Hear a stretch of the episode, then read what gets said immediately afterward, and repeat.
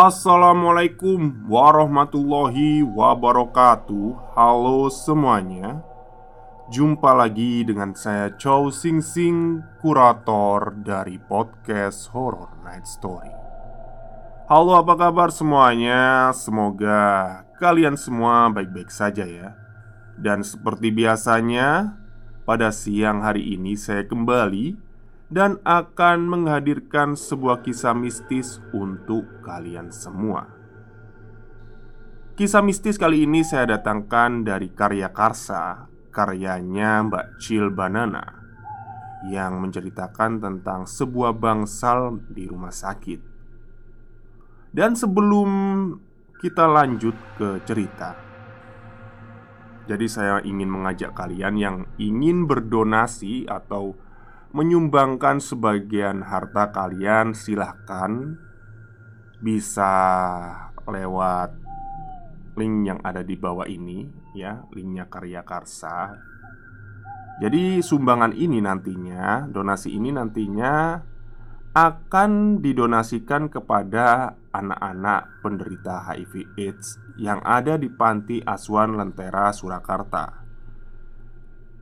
Panti Asuhan Lentera Surakarta ini sebuah yayasan yang menampung sekitar 39 anak-anak penyandang HIV AIDS dan 90% dari anak-anak tersebut sudah tidak memiliki orang tua yang sebagian besar sudah meninggal karena penyakit tersebut. Jadi bisa nanti kalian sumbangkan lewat karya karsa dan nantinya kalian akan mendapatkan tujuh cerita dari penulis-penulis ternama di Twitter ya. Ada Mas Nugro, Mas Kalong, Mas Dio, Mas Jero, Mas Restu, dan Mas QWERTY Typing. Jadi jadi nanti kalian nyumbang terus dapat cerita juga gitu. Bisa dibuat baca-baca lah.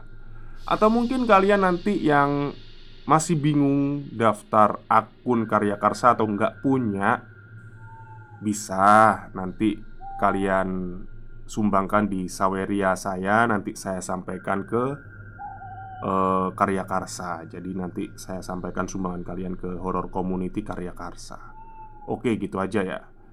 Uh, jadi cerita kali ini menceritakan tentang sebuah bangsal rumah sakit yang kemungkinan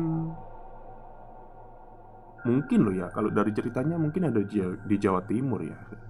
Oke daripada kita berlama-lama Mari kita simak ceritanya.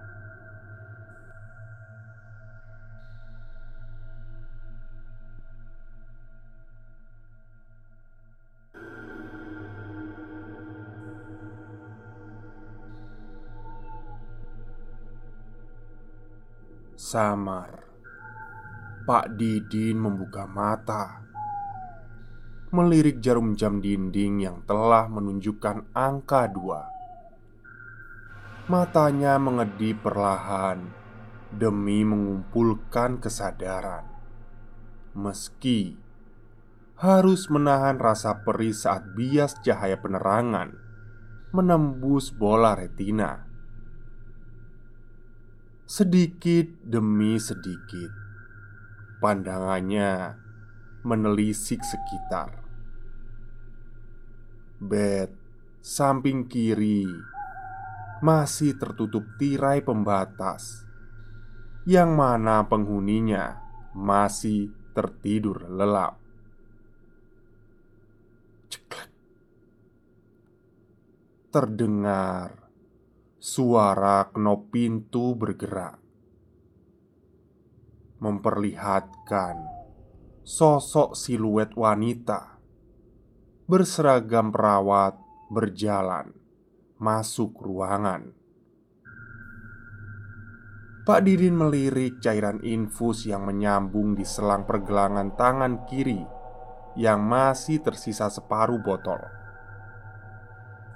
Ah, kurasa bukan. Mungkin perawat itu mendapat panggilan untuk mengganti botol infus pasien lain Pikirnya dalam hati. Pak Didin pun berniat melaksanakan sholat malam Meski sebagian tubuhnya masih sulit digerakkan. Hening.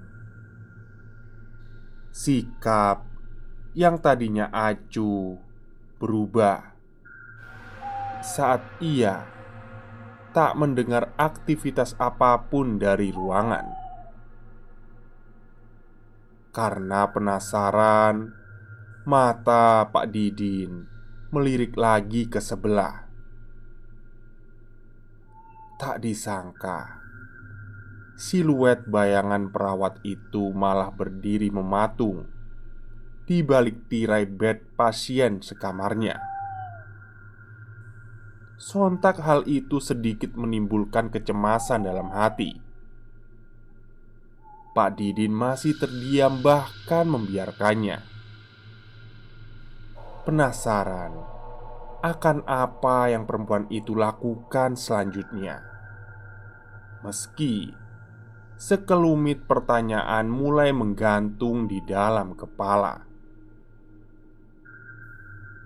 perawat itu masih berdiri di tempatnya, tak bergeming sedikit pun selama beberapa menit. Pak Didin ingin bertanya, namun lidah terasa keluh karena masih terlalu lemah untuk mengeluarkan kata-kata.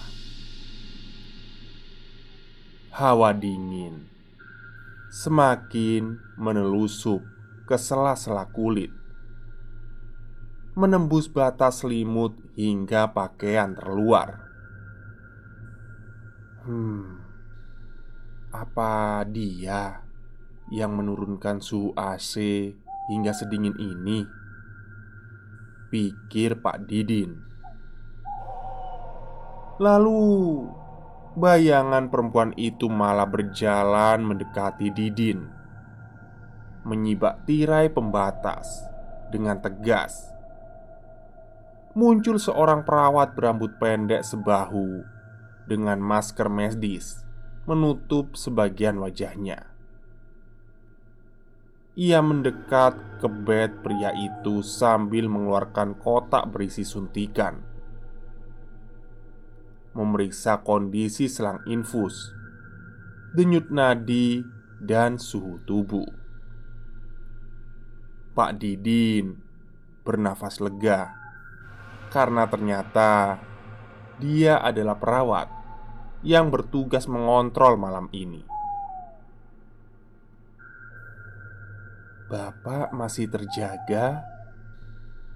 Apa ada sakit yang dikeluhkan, Pak? Tanyanya dengan nada datar. Pak Didin menggeleng pelan. Sebagai jawaban baik-baik saja. Lalu Melirik sebuah name di dada kiri si perawat. Bertuliskan Mirna. Pandangannya mengarah kembali pada perawat itu. Namun ada sesuatu yang janggal. Mata perempuan yang ada di hadapannya menyipit, menandakan segurat senyum di balik maskernya, dan hal aneh pun terjadi. Tiba-tiba saja, lampu ruangan berkedip-kedip cepat, seperti terkena konsleting Entah kenapa cahayanya pun ikut meredup Menciptakan suasana remang dalam ruangan.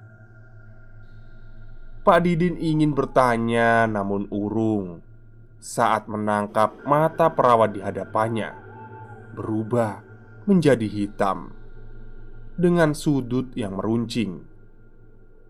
Samar-samar Terdengar tawa cekikikan yang cukup menyeramkan Sontak perasaannya makin gusar saat melihat gelagat aneh dari si perawat. Tak lama kemudian, perempuan itu melompat ke atas ranjang dan langsung menindih perut Pak Didin begitu saja dalam posisi jongkok. Tak disangka, perawat aneh itu pun membuka masker memperlihatkan mulutnya yang robek memanjang hingga ke telinga. Bahkan rahang bawahnya menggantung menganga seolah hampir lepas. Dengan kasar, ia membuang selimut Pak Didin, lalu menarik paksa kabel-kabel pendeteksi jantung yang terpasang di dada. Jari-jari kurus dengan kuku panjang itu mulai bergerak lurus dari atas dada hingga ke perut, seolah-olah ingin membedah tubuh Pak Didin secara simetris. Degup jantung Pak Didin berdetak makin cepat. Ingin sekali berteriak, namun tak bisa karena kondisi fisik yang masih sulit untuk berbicara. Didin berusaha melafatkan ayat kursi dalam hati secara berulang-ulang. Meski jadi terbata-bata, sosok perawat berwujud mengerikan itu tertawa makin membahana dengan nada mengejek. Anehnya, seperti tak ada siapa pun yang mendengarnya. Bahkan Pasien di sebelah bed Pak Didin pun tidak berkeming. Lalu Hal yang ditakutkan Pak Didin pun terjadi. Sosok itu mulai mencakari seluruh tubuhnya Hingga wajahnya dengan brutal. Pria parubaya itu Hanya bisa mengerang menahan rasa sakit perih, benar-benar perih. Apa benar makhluk astral ini bisa melukai sosok fisik manusia secara nyata? Dengan sekuat tenaga, Pak Didin memaksa sendi-sendi ototnya untuk bergerak agar bisa menghadangnya. Namun nihil Tak disangka kelima jari perawat hantu itu malah menancap kuat ke ulu hati. Ibarat pisau yang sangat tajam. Kuku-kuku panjang itu berhasil membelah dada Hingga perut bagian bawah dengan mudah. Pak Didin mengerang kesakitan Saat daging di bagian dada mulai terbuka ia bisa melihat dan merasakan bagaimana kuku tajam tersebut perlahan membelah perut, memuncratkan darah, hingga memperlihatkan organ dalam yang ada.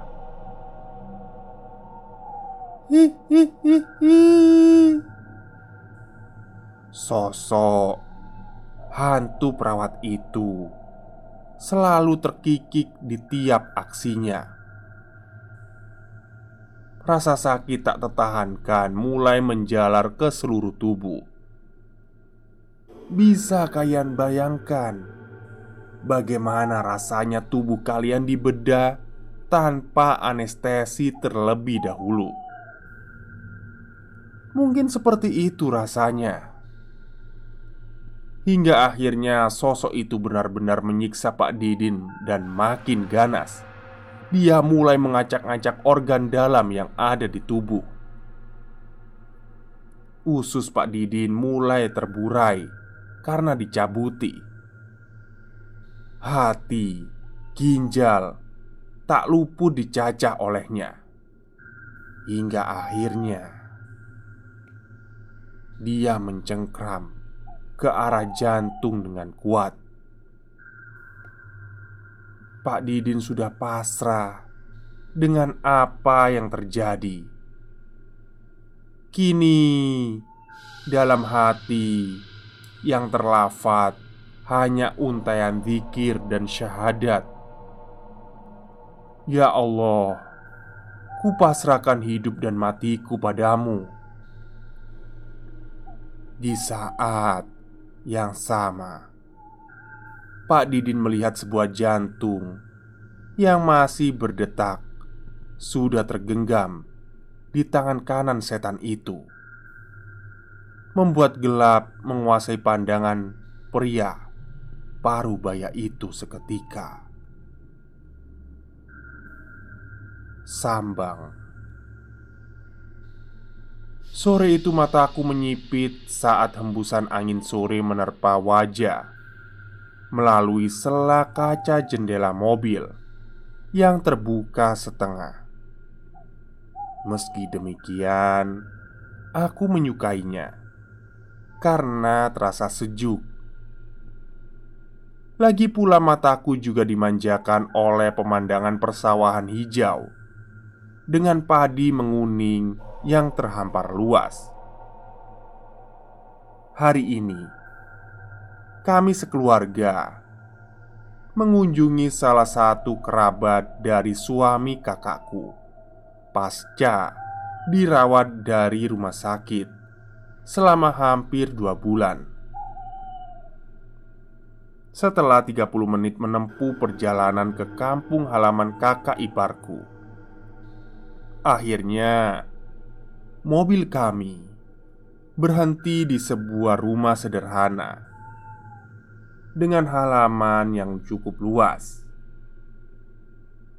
Seorang wanita parubaya menyambut dengan ramah, yang mana kedatangan kami memang sudah diberitahu lebih awal lewat pesan singkat.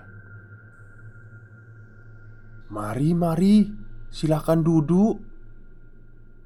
Sila seorang bapak-bapak bersarung menyalami keluargaku satu persatu Wah, sudah kelihatan lebih sehat ya pak? Sahut kakak iparku. Hehe, iya. Alhamdulillah Ram. Pak Didin adalah seorang pria parubaya pensiunan aparatur sipil negara. Usianya yang menginjak lebih dari setengah abad serta kondisi penyakit jantung bawaan yang dideritanya lah yang membuat beliau terpaksa mengambil pensiun dini beberapa tahun lebih awal. Hingga akhirnya kesehatannya pun makin memburuk saat memasuki gelombang COVID 19 di tahun kedua Mengakibatkan Beliau harus segera menjalani rawat inap secara intensif Di sebuah rumah sakit terdekat Wah Rasanya hampir seperti mau mati setiap hari Ram Pernyataan Pak Didin yang spontan itu membuat kening kami sedikit berkerut Hah? Kok bisa, Pak? Apa sesakit itu rasanya? Dari info yang kami dapat sebelumnya, memang Pak Didin sempat mengalami kondisi kritis dengan harapan hidup yang hampir tak mungkin. Diminum dulu ini tehnya. Maaf ya, cuma bisa menyajikan seadanya. Ucap Bu Retno yang ternyata sudah membawa nampan Berisi beberapa cangkir teh panas di atasnya. Waduh, kok repot-repot bu? Sahut ibuku. Walah, nggak ada yang merasa direpotin kok. Sejenak, suasana menjadi hening saat masing-masing dari kami mulai menyeruput teh yang disajikan. Di wilayah pedesaan, hal ini lumrah dilakukan demi menjaga adab sopan santun, menghargai jamuan sang pemilik rumah.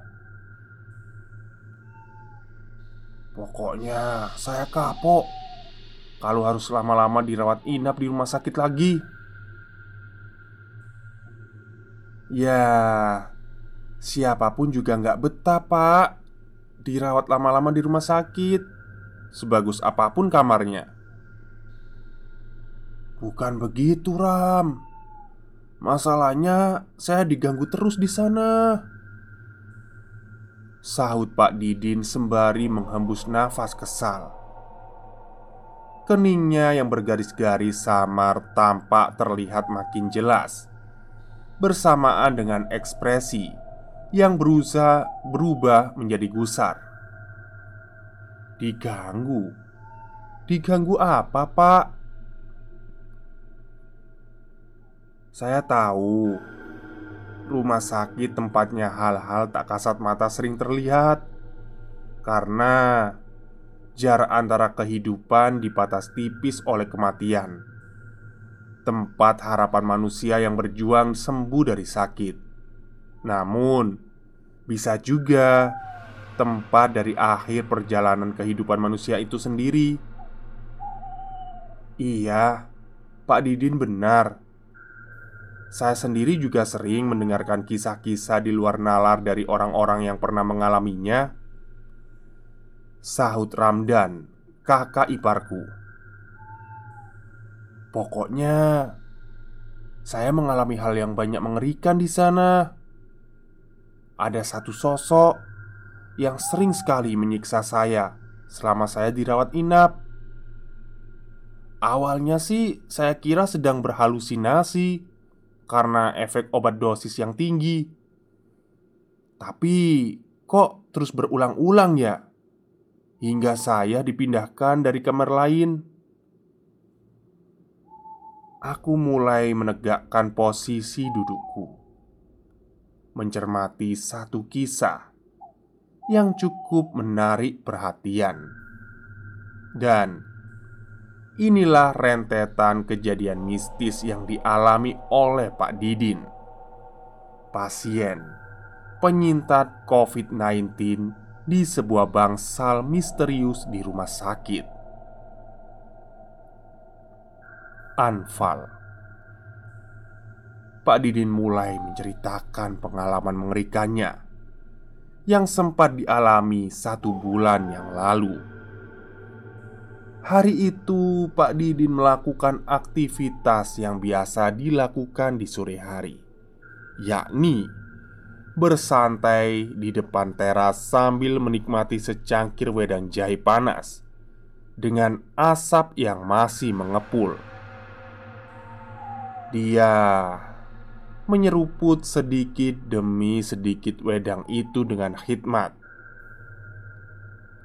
Memandang langit senja berwarna oranye kemerahan. Kawanan burung walet yang terbang membentuk formasi hingga anak-anak kecil yang sedang asyik bermain gaplek tak jauh dari halaman rumahnya. Namun, kedamaian itu mendadak sirna saat tiba-tiba nyeri menyerang dadanya sebelah kiri. Aduh, kok sakit ya? Keluh Pak Didin ia mencoba mengatur nafas secara konsisten, mencengkram dada dengan kedua tangan demi mengurangi rasa sakitnya. Tapi nyatanya, hal itu tak berhasil. Rasa sakit yang mendera makin menjadi hingga akhirnya membuat kesadaran Pak Didin berangsur hilang sepenuhnya. Suara Pak Didin yang ambruk cukup membuat gaduh. Sampai Bu Retno yang sedang asyik menonton TV pun beranjak dari tempatnya.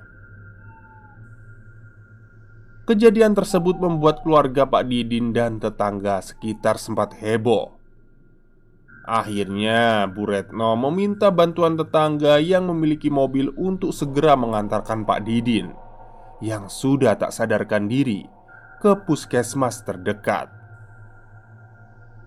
Sesampainya di puskesmas, dokter pun menyarankan Bu Retno agar membawa Pak Didin yang sudah dalam kondisi anfal ke rumah sakit saja. Oh, Anfal itu kondisi yang mungkin udah apa ya?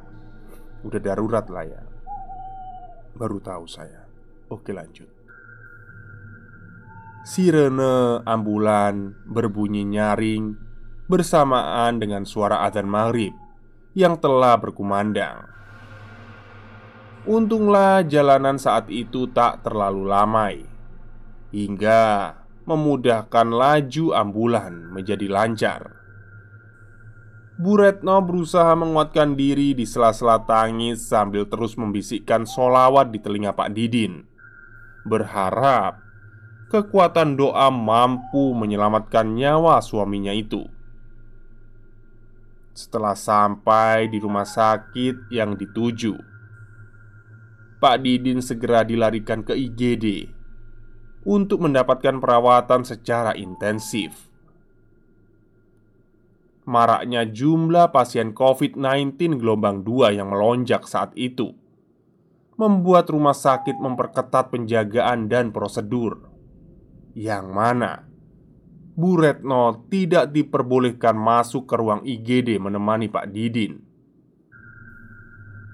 Meski dalam kondisi cemas, Bu Retno berusaha tetap berpikir jernih.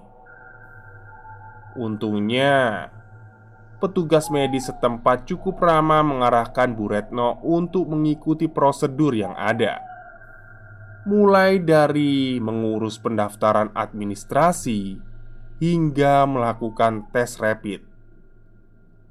Sembari menunggu hasil tes dan panggilan dokter IGD, Bu Retno segera menelpon anak-anaknya tentang keadaan ayahnya sekarang.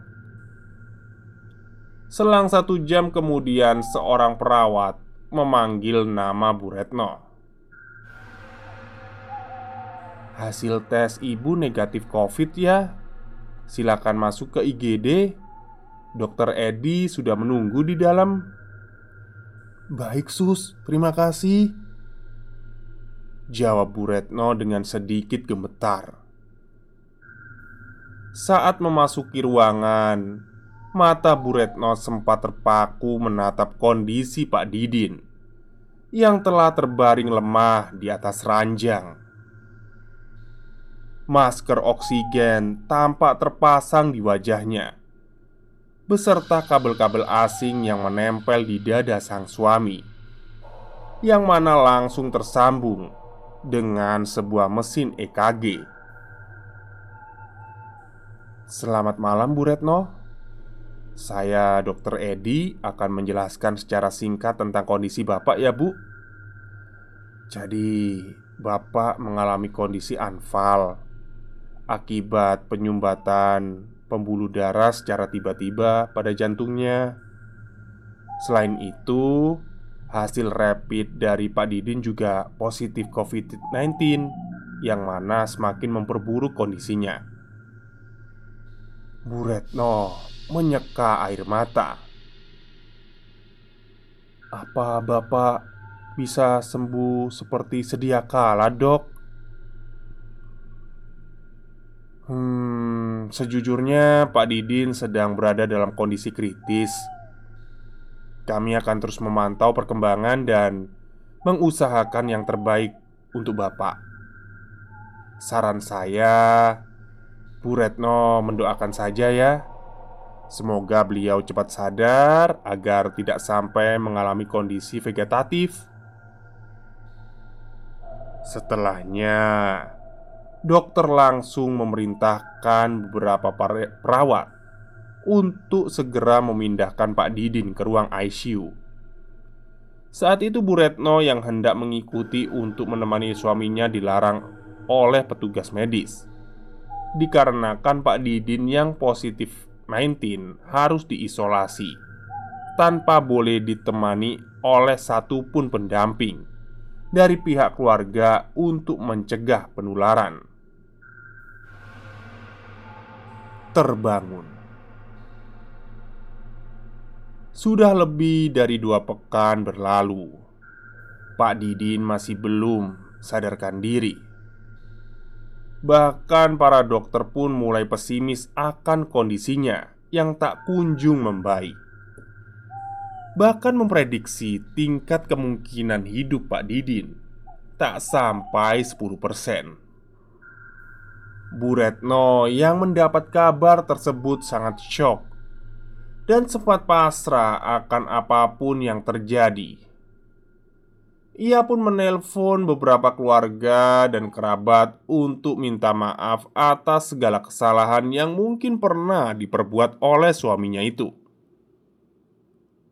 Saya minta maaf jika suami saya mungkin pernah ada salah kata atau perbuatan, baik sengaja maupun tidak sengaja.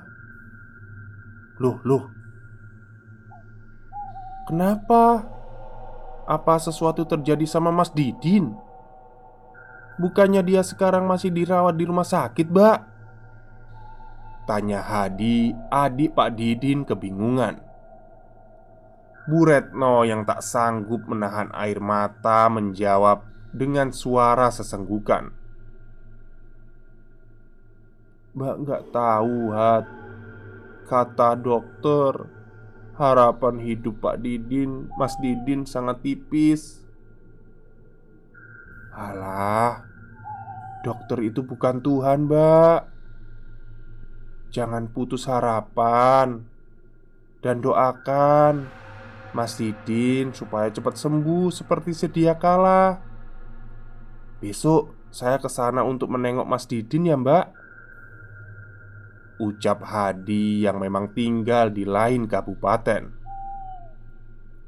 Tapi Hat Masmu nggak boleh dijenguk siapa pun Karena masih di ruang isolasi. Ya pokoknya besok saya ambil cuti nggak apa-apa. Mau datang ke tempat mbak Saya juga akan mengabari saudara-saudara yang lain. Kita kan bisa diskusikan hal ini sama-sama Iya, terima kasih ya. Namun, sebuah kejadian, maksud saya keajaiban, justru terjadi. Tiga hari setelahnya, Bu Retno kembali mendapatkan kabar mengejutkan dari pihak rumah sakit. Selamat siang, Bu Retno. Saya dari Rumah Sakit Cipta Medikatama ingin mengabarkan berita baik. Pak Didin Hari Sukmo sudah sadar dan telah melewati masa kritisnya. Alhamdulillah ya Allah. Seru Bu Retno langsung bersujud ke lantai karena tak mampu membendung rasa syukurnya. Saking senangnya, Bu Retno Sampai berteriak asal memanggil anak-anaknya. Nang Nanang Putri. Alhamdulillah Bapakmu gak jadi mati. Serunya sekali lagi. Kamis pukul 11 lebih dari 30 Secara ajaib Pak Didin membuka mata saat seorang perawat sedang mengganti kantung infusnya. Coban Banyu Pati. Jadi, Pak Didin waktu itu sempat mengalami koma. Tanya kakak iparku sekali lagi. Ya, kata dokter seperti itu. Saya juga nggak nyangka masih diberi kesempatan hidup oleh Gusti Allah. Saya dibilang koma lebih dari dua minggu, tapi yang saya rasakan cuma seperti tidur beberapa jam saja. Bahkan saya sempat bermimpi aneh. Mimpi apa, Pak? Sahutku tiba-tiba yang tak mampu membendung rasa penasaran. "Hush, yang sopan kamu!" tegur ibuku. "Hehe, ndak apa-apa, Bu. Saya sendiri sudah terlanjur bercerita dan akan menyelesaikannya. Siapa tahu Pengalaman yang pernah saya alami ini ada hikmah dan pelajaran yang bisa dipetik. Pak Didin kembali menceritakan kisah di mimpinya. Saat terbangun, beliau tiba-tiba saja berada di sebuah hutan dengan pepohonan jati yang tinggi. Langit di atas pun berwarna hitam menandakan ia berada di tempat itu dalam kondisi petang. Tak ada guratan awan dan kelip bintang, hanya ada bulan berwarna kuning berbaur kemerahan dalam bentuk penuh. Singgah dengan gagah di atas sana. Angin yang berhembus pelan pun Dinginnya terasa menusuk hingga tulang Terdengar samar kicauan burung, kedasi Dan nyalang anjing hutan saling bersautan menambah suasana makin mencekam Pak Didin yang kebingungan mau tak mau terus berjalan mengikuti satu-satunya jalan setapak yang tidak ditumbuhi tumbuh-tumbuhan berduri dan akar belukar, berharap bisa segera menemukan jalan keluar.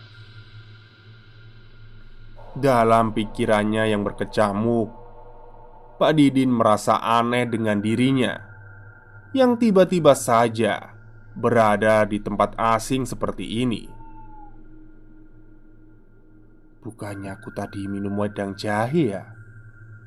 Kok tiba-tiba ada di tengah hutan? Masa aku diculik? Entah sudah berapa lama dia berjalan. Tiba-tiba saja terdengar suara air bergemuruh dari kejauhan, seperti aliran air mengalir yang jatuh dari ketinggian. Suaranya berasal dari hutan yang lebih gelap, yang mana berarti ia harus keluar dari jalur jalan setapak. Namun, ia juga mendengar suara lain. Suara keramaian seperti ada banyak orang jika terus mengikuti jalan semula. Namun, kata hati Pak Didin malah menyuruhnya untuk mengikuti sumber suara seperti air terjun itu sempat terjadi pergolakan batin antara logika dan tutur batin. Jika terus mengikuti jalan di awal, kemungkinan besar dia bisa mendapat pertolongan dari penduduk sekitar.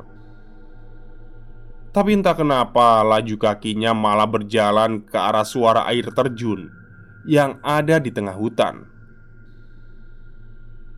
Goblok, goblok. Kok bisa-bisanya aku malah jalan ke sini? Umpat Pak Didin dalam hati Setelah ia berhasil melewati akar belukar dan semak-semak tinggi Yang malah menyulitkan perjalanannya. Dan benar saja Sampailah ia di sebuah air terjun dengan sungai mengalir tenang di bawahnya. Banyak batuan cadas berukuran besar mengitari tepat di bawah air terjun itu, melingkar seperti membentuk sebuah penghalang. Entah bagaimana sinar rembulan yang terang seolah menyorot tepat di bagian itu, membuat Pak Didin tersadar betapa indahnya warna air sungai yang ternyata berwarna biru kehijauan itu. Bahkan tanaman yang tumbuh di sekitar air terjun tampak rapi dengan macam-macam bunga berwarna indah. Subhanallah, puji Pak Didin dalam hati. Assalamualaikum, ucap seseorang secara tiba-tiba dari arah belakang. Waalaikumsalam Sahut Pak Didin spontan Pak Didin pun menoleh dan mendapati bayangan seorang lelaki bertubuh gagah dari balik kegelapan. Lalu sosok tersebut berjalan mendekati Pak Didin Yang mana wajahnya terlihat makin jelas karena bantuan sinar rembulan Tampak seorang seperti priai Memakai belangkon dengan beskap berwarna hitam Dan jari bermotif lurik Sejujurnya Pak Didin merasa sedikit aneh dengan pakaian yang dikenakan oleh lelaki itu, apalagi di tengah hutan. Apa mungkin sedang ada acara adat istiadat di sekitar sini ya? Batin Pak Didin bertanya-tanya. Diamatinya lagi sosok yang ada di hadapannya. Pak Didin baru menyadari ternyata lelaki ini berwajah cukup tampan. Wajahnya putih bersih, bahkan sekilas seperti bercahaya dengan janggut pendek bertengger di dagunya. Dia memprediksi mungkin lelaki ini berusia 10 tahun lebih muda darinya. Namun, Auranya terasa begitu mengintimidasi dan membuatnya segan. Apa yang sedang jenengan lakukan di sini? Mau mencari apa? Tanyanya memecah keheningan. Jenengan itu Anda ya? Oh, saya juga nggak tahu. Tiba-tiba saja saya terbangun. Saya sudah ada di hutan. Saya mendengar suara air terjun, dan entah kenapa ya, saya ikuti aja sampai ke sini. Jelas Pak Didin tanpa basa-basi. Lelaki itu mengangguk sambil menggosok jemari tangan di bawah dagunya. Sepertinya Anda tersesat bisa jadi Kalau boleh tahu Nama tempat ini apa ya? Coban Banyupati Wah Saya baru mendengar nama wisata ini Ini daerah mana ya? Masih di Jawa Timur kan pak? Lelaki itu tersenyum tipis Perkenalkan, saya Syekh Datuk Hasim. Oh iya iya. Saya Didin Hari Sukmo Pak Didin Seharusnya tidak berada di tempat ini. Belum waktunya. Kening Pak Didin berkerut tidak mengerti. Eh, maksudnya gimana ya Syekh? Jujur Sebelum datang ke cobaan ini saya sempat mendengar suara keramaian penduduk di ujung jalan sana. Apa mungkin Syekh bisa menunjukkan jalan ke desa yang ada di sekitar sini? Saya butuh bantuan untuk pulang. Untunglah Pak Didin tidak mengikuti suara keramaian itu, atau Bapak malah tidak bisa kembali. Loh, kenapa ya?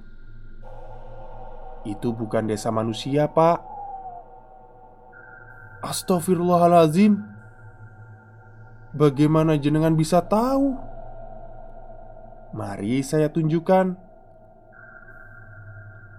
Syekh Datuk Hashim tiba-tiba saja melempar sebuah kerikil di atas sungai, dan nampaklah pemandangan yang mencengangkan. Pak Didin tiba-tiba saja berada di sebuah tempat dengan banyak orang. Rumah-rumah yang ada di desa itu terlihat seperti rumah-rumah zaman dulu, yang mana bahan pondasinya masih terbuat dari dinding kayu dengan atap jerami. Tapi bukan itu yang membuat bergidik.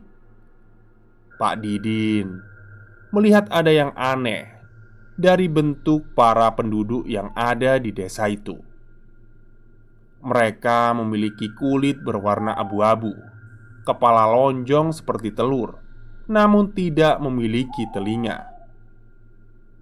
Beberapa dari mereka bahkan memiliki tangan yang panjang, menjuntai hingga ke tanah. Ada yang kakinya pendek sebelah hingga saat berjalan terlihat pincang yang tak lazim ada yang memiliki tubuh bungkuk dengan tulang rusuk aneh yang menonjol di belakangnya, dan berbagai macam bentuk absurd lainnya.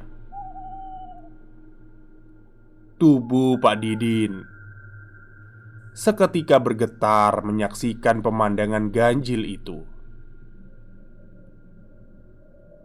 Jangan pernah takut, Pak. Manusia itu lebih mulia dari bangsa jin. Ucap Syekh Datuk Hashim Seolah bisa membaca ketakutan dari Pak Didin. Kemudian terdengar suara jentikan jari dan mereka kembali ke lokasi air terjun lagi. Nyun sewu Syekh. Saya tidak mengerti Apa yang sebenarnya terjadi? Saya ini sedang di mana? Mungkin jenengan bisa menjelaskan. Karena Yang saya ingat tadinya saya cuma duduk minum wedang jahe di teras rumah. Kok tiba-tiba di sini? Pak Didin sadar. Bahwa orang yang dihadapannya itu bukanlah orang sembarangan, dan mungkin saja ia bisa mendapat jawaban atas segala pertanyaan yang diajukan. Terlihat Syekh Datuk Hashim menyunggingkan senyum tipisnya. Jenengan ini sedang berada di alam persimpangan antara kehidupan dan kematian, berbatas tipis dengan alam goib dan manusia. Sampean berada di tengah-tengahnya. Hah? Saya masih nggak ngerti Gini Jiwa Anda ini berada dalam alam goib Namun Ruh Anda berada di antara persimpangan Saya menduga mungkin Anda masih diberi kesempatan tambahan umur oleh Allah Namun sayangnya Jiwa Anda malah ter terjebak anda tidak boleh lama-lama di sini. Takutnya, jika raga Anda kosong terlalu lama, ada makhluk lain yang berniat buruk dan memanfaatkan hal itu, dan malah hal itu membuat Anda tidak bisa kembali ke dunia manusia. Astagfirullah, terus apa yang harus saya lakukan agar bisa kembali? Bacalah lima ayat pertama dari surat Al-Baqarah dan tiga kali ayat terakhirnya. Lanjutkan dengan ayat kursi sebanyak tujuh kali. Selanjutnya, bacalah sholawat Jibril tanpa putus hingga jenengan sadar sudah kembali ke tempat yang semestinya. Saya akan bantu menunjukkan jalannya tanpa ragu. Pak Didin pun melaksanakan amalan yang diberikan oleh Syekh itu. Selanjutnya, dalam hati ia benar-benar meminta pertolongan kepada Allah Subhanahu wa Ta'ala. Saat memejamkan mata, Pak Didin sempat mendengar suara riuh ramai orang sekitar. Lalu hening sejenak sebelum terdengar suara dengungan yang cukup memekakan telinganya. Selanjutnya, ia tak lagi mendengar suara apa pun. Hanya ada siulan angin tipis bersayup liri di telinga. Hingga akhirnya ada sesuatu yang sangat kuat menarik tubuhnya. Pak Didin merasa ketenangan dalam sejenak, sepi, menyusul lagi denting besi tipis yang saling bersentuhan. Dengan susah payah, ia pun mencoba membuka kelopak matanya. Pandangannya yang masih kabur menangkap siluet berbaju putih dengan helm kaca di wajahnya. Tolong konfirmasi ke dokter. Pasien saudara Didin sudah sadar dari koma. Ucap seseorang di hadapannya kemudian.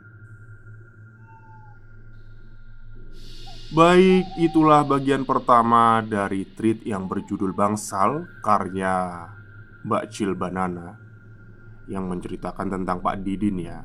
Dan untuk bagian keduanya bisa nanti malam saya lanjutkan Dan bagi kalian yang mau berdonasi untuk anak-anak penderita HIV AIDS yang ada di Panti Asuhan Lentera Surakarta Bisa langsung klik link yang ada di deskripsi Bisa lewat karya karsa bagi kalian yang mau baca-baca tulisan dari uh, penulis ternama seperti Mas Dio, Restu, Mas Jero, Mas Kuerti, Mas Nugro, Mas Kalong bisa ya.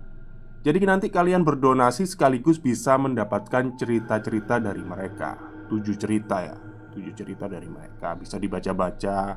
Atau mungkin yang nggak punya akun karya karsa Bisa daftar dulu. Nggak, nggak, nggak sulit kok. Gampang kok.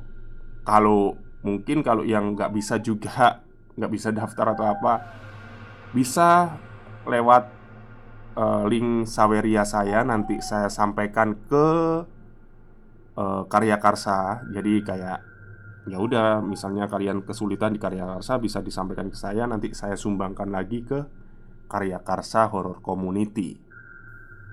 Jadi nanti saya tuliskan ya berapa jumlah yang terkumpul dari sumbangan kalian. Oke, Mungkin itu saja untuk siang hari ini. Kurang lebihnya saya mohon maaf. Untuk lanjutannya nanti malam insya Allah. Selamat siang dan selamat beristirahat.